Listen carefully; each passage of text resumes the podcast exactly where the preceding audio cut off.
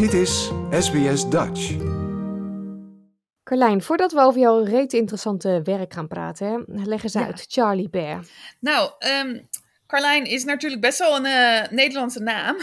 Dus heel veel ehm, mensen die Engels spreken, die kunnen het niet uitspreken. En vroeger, toen ik nog in Nederland woonde, noemden eigenlijk heel veel mensen mij al Charlie. Dus dat heb ik eigenlijk aangehouden omdat het, ik reageerde daar toch al op. En voor andere mensen was het makkelijker te onthouden en makkelijker uit te spreken. Ja, ja, ja. En de bear, dat is gewoon... Ja, ik weet niet, dat is er gewoon zo achter gekomen. En opeens was dat er. Ja. Jij eh, hebt eh, al eh, 2,5 jaar in Catherine gewerkt als eh, paraveterinair. En eh, ook sinds kort nu in Alice Springs. Ja. Dat klinkt als een eh, geweldige job. Ja, het is super, super. Ik vind het super leuk. Het is ehm, omdat Alice Springs en Catherine beide best wel ehm, afgelegen zijn. Hier in Alice Springs, de dichtstbijzijnde andere kliniek, is 700 kilometer bij ons vandaan. En dat is een kleinere kliniek dan wij zijn. En in Catherine, de dichtstbijzijnde andere kliniek, is 350 kilometer bij ons vandaan.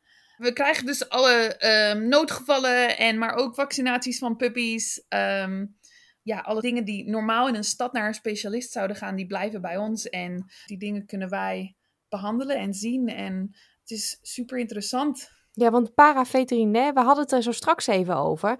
Eh, je bent geen dierenassistent, maar je bent ook geen dokter, geen dierenarts. Nee. Het zit er een beetje tussenin, hè? Een, een soort van dierenzuster. Ja, ja, een soort van dierenverpleegkundige. Ja. Ga jij dan alleen op pad? Of ga je altijd met een dierenarts mee? Nee, we gaan altijd met de dierenarts. Het is altijd samen. Meestal om de dierenarts te ondersteunen, maar ook gewoon voor veiligheid en gezelligheid. Mhm. Maar je zegt de dichtstbijzijnde kliniek is 700 kilometer verderop. Moet ik me dan voorstellen dat jullie wel eens 300 kilometer naar, eh, naar een gemeenschap rijden?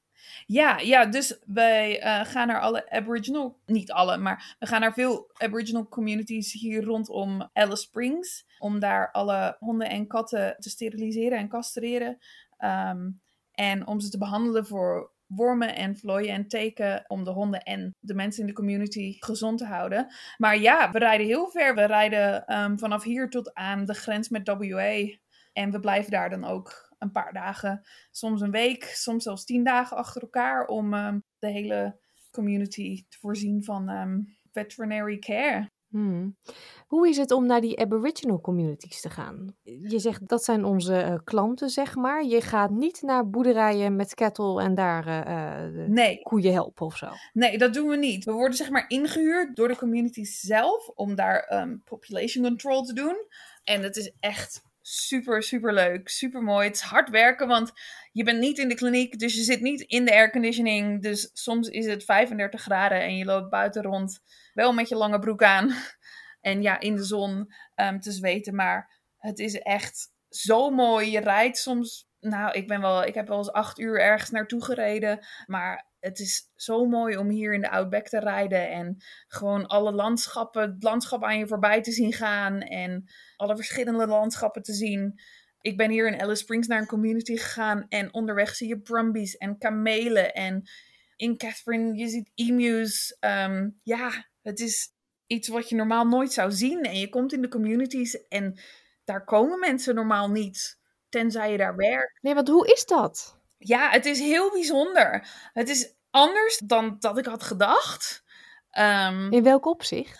Ehm, nou, de mensen wonen allemaal in huizen. En het, de huizen zijn niet zoals in de stad. Het zijn allemaal. ehm, ik weet niet hoe je dat in het Nederlands zegt. Ze zijn, de meeste huizen zijn gemaakt van corrugated iron. Het zijn geen solide huizen.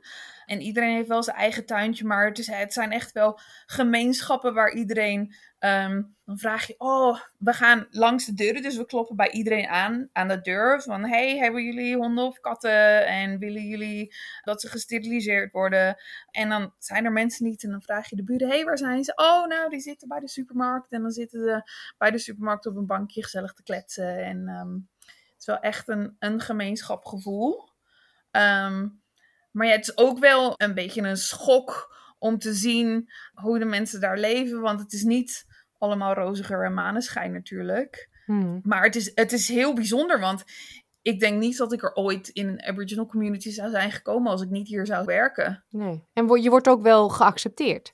Ja, en het is heel verschillend. In ehm, sommige communities komen mensen aangerend als ze ons zien, ehm, zien komen. Oh, ik heb een kat of ik heb een hond en ik heb gisteren een kakatoe gevonden. Kun je daar alsjeblieft naar kijken? En wanneer kom je bij ons? En sommige communities die zijn van, nou, nee, het is wel goed. En dan moet je echt heel hard werken en zeggen, ja, maar het is, het is healthy needles. En eh, het is om jullie kinderen ook gezond te houden. En dan is het oké, oké. Dan doen ze het wel. En het ligt wel echt heel erg aan de elders die daar wonen. Hm.